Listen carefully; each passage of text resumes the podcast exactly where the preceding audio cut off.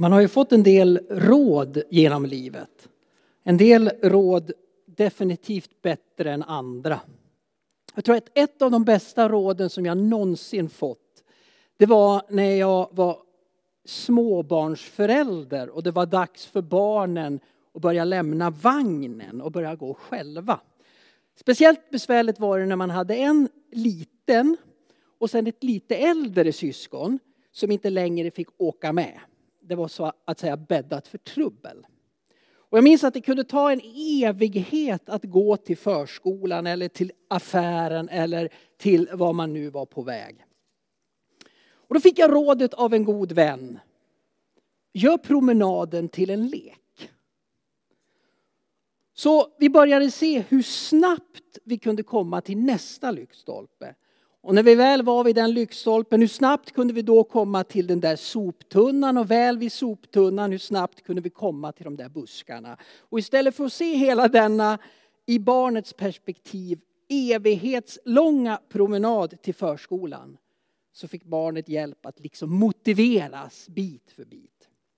Jag är oerhört tacksam för det rådet. Speciellt när man hade ett envist barn. Dagens predikotext är egentligen bara en fortsättning på förra söndagens text. Där Urban predikade om livets källa. Och precis som Urban förra gången uttryckte sin hänförelse över ett norrsken som han studsade upp ur sängen för att gå upp och titta på. Så blir dagens predikan en slags fortsättning även på det området. Hänförelsens. Jag har tidigare vid något tillfälle nämnt hur vi som familj förra sommaren åkte upp till Höga Kusten och gick Slottdalsskrevan. Och hur denna storslagenhet vittnade för mig om skaparen. Storslagenheten vittnade om den som så storslaget hade skapat allt detta. Och när jag satt med den här predikan och det här temat att Jesus skapar tro så kom jag att tänka på den där resan igen. Det var en väldigt varm dag när vi gick i Slottdalsskrevan. Och min fantastiske lille son, han tyckte efter någon kilometer att nu är det totalt omöjligt att gå längre. Det går inte, jag orkar inte. Och då står man som förälder där inför ett antal val. Det ena, det är att börja skälla på honom. Men kom igen, skärp dig, du är tio år gammal. Det är klart du orkar gå. Alla andra tioåringar orkar. Typ så. Ett annat val det är att man istället använder sig av det här rådet som jag nyss berättade om. Skapa motivation. Du klarar det Tage. Jag är säker på att du klarar det. Du är duktig att gå. Nu går vi 500 meter och så får du en bit av en japp. Och ni får själva gissa vilken av de här varianterna som är den mest effektiva. Och också vilken av dem jag själv valde mig att använda mig av. Och förra söndagen handlade främst om vad Jesus är för oss. Livets källa. Så handlar dagens tema liksom om vår respons på detta. Den tro som skapas i mötet mötet med Jesus. Till vattenkällan i texten kommer en kvinna för att hämta vatten. Och Jesus för ett samtal med den här kvinnan. Det är ett viktigt samtal som handlar om var man rent fysiskt ska tillbe Gud. Och det här är ju en helt ordinär, vardaglig situation som leder till ett, till ett livsomvandlande teologiskt samtal. Hon har fastnat vid det. Kvinnan har fastnat vid det som de flesta av oss fastnar vid. Ramarna, boxarna, lådorna. Var ska man be? Var ska man be? Vad är platsen? Är det berget? Är det templet? Eller är det någon annanstans? Men nej, säger Jesus, handlar inte om det. Det handlar inte om var man ber, utan hur man ber. Jesus säger, den tid kommer, ja den är redan här, då alla sanna gudstillbedjare ska tillbe Fadern i ande och sanning. Ty så vill Fadern att man tillber. Alla sanna gudstillbedjare tillber i ande och sanning, säger Jesus. Den sanna tillbedjan handlar inte om mönster, heller platser, eller uttryckssätt. Utan om hjärtat. Där en ber på berget, så ber en annan i Jerusalem. Där en sträcker sina händer i hänförd beundran, så böjer en annan sitt huvud i stilla vördnad. handlar aldrig om var eller ens hur, utan det handlar om anledningen till att vi ber. Och vi ser i texten vilken oerhört radikal betydelse mötet med Jesus får för den samariska kvinnan. Det är som att det är en kvinna som kommer in i ena änden av texten och så är det en helt annan kvinna som går ur den i den andra. Ja, mötet med Jesus förvandlar henne.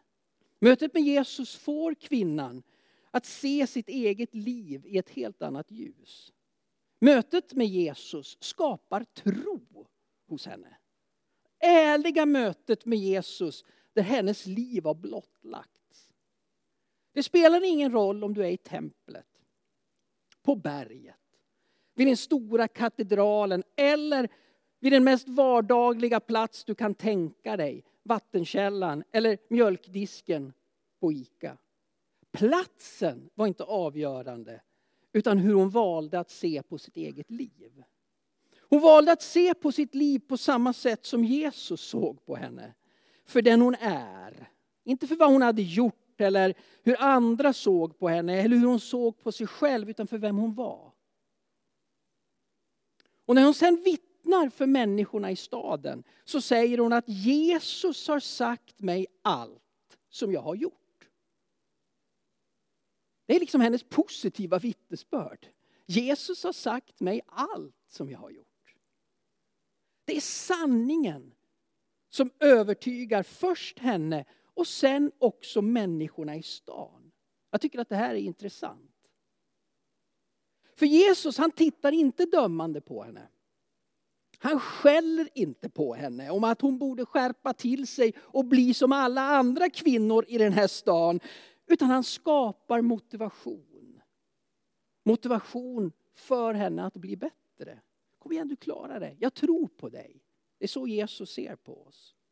Och när kvinnan möter människorna i stan så består hennes vittnesbörd dels av detta. Han har sagt allt om vem jag är. Och sen en fråga.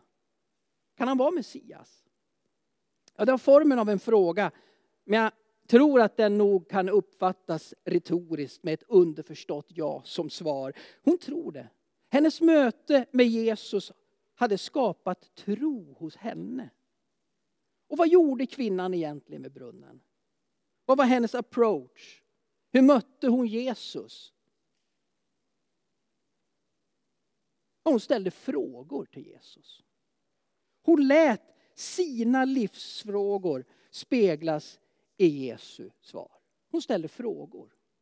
Både kyrkofadern Augustinus och teologen Anselm av Canterbury talar om en tro som söker förståelse.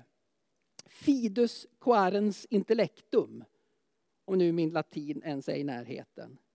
Det betyder att trons dogmatik växelverkar med livets erfarenheter. Jag möter någonting som skapar frågor. Och så kommer jag med frågorna till Jesus. Och så växer tron. Så skapar det nya frågor.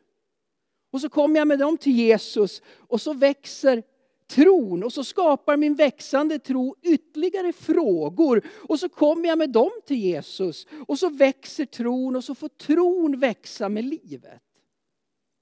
Jag tänkte på det där i torsdags när jag stod här ute och undervisade konfirmanderna om möjligheten för dem att själva få möta Gud. Och mitt i, i den här lektionen om hur de själva skulle kunna få erfara Gud så får jag erkänna att de tittade på mig med ganska tveksamma ögon. Och jag börjar inte citera Anselm av Canterbury för dem eller några andra kyrkofäder, vilket jag tror var klokt. Utan jag bad en snabb bön i mitt inre. Mitt under lektionen. Att de allihopa skulle våga börja ett liv där tron får växa. För tron måste nog alltid börja med att hålla någonting sant som man inte förstår. Annars vore det inte tro.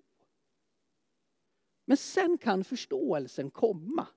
Genom livets sökande och genom livets erfarenheter. Genom att jag tar mina frågor och så kommer jag med dem till Jesus vid brunnen så växer också svaren.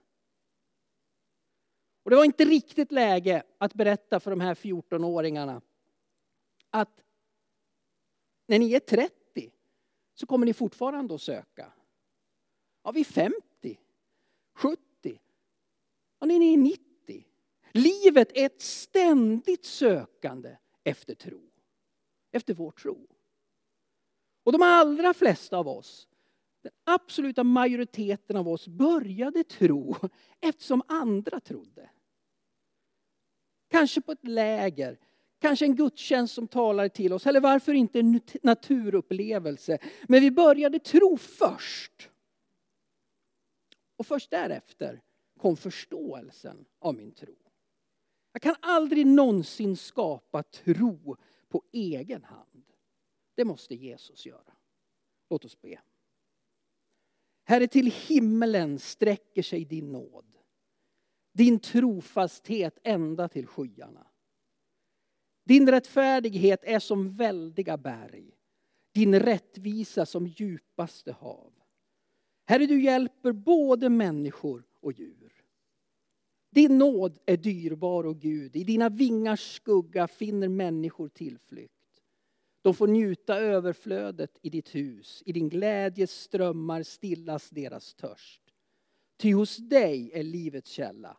I ditt ljus ser vi ljus. Amen.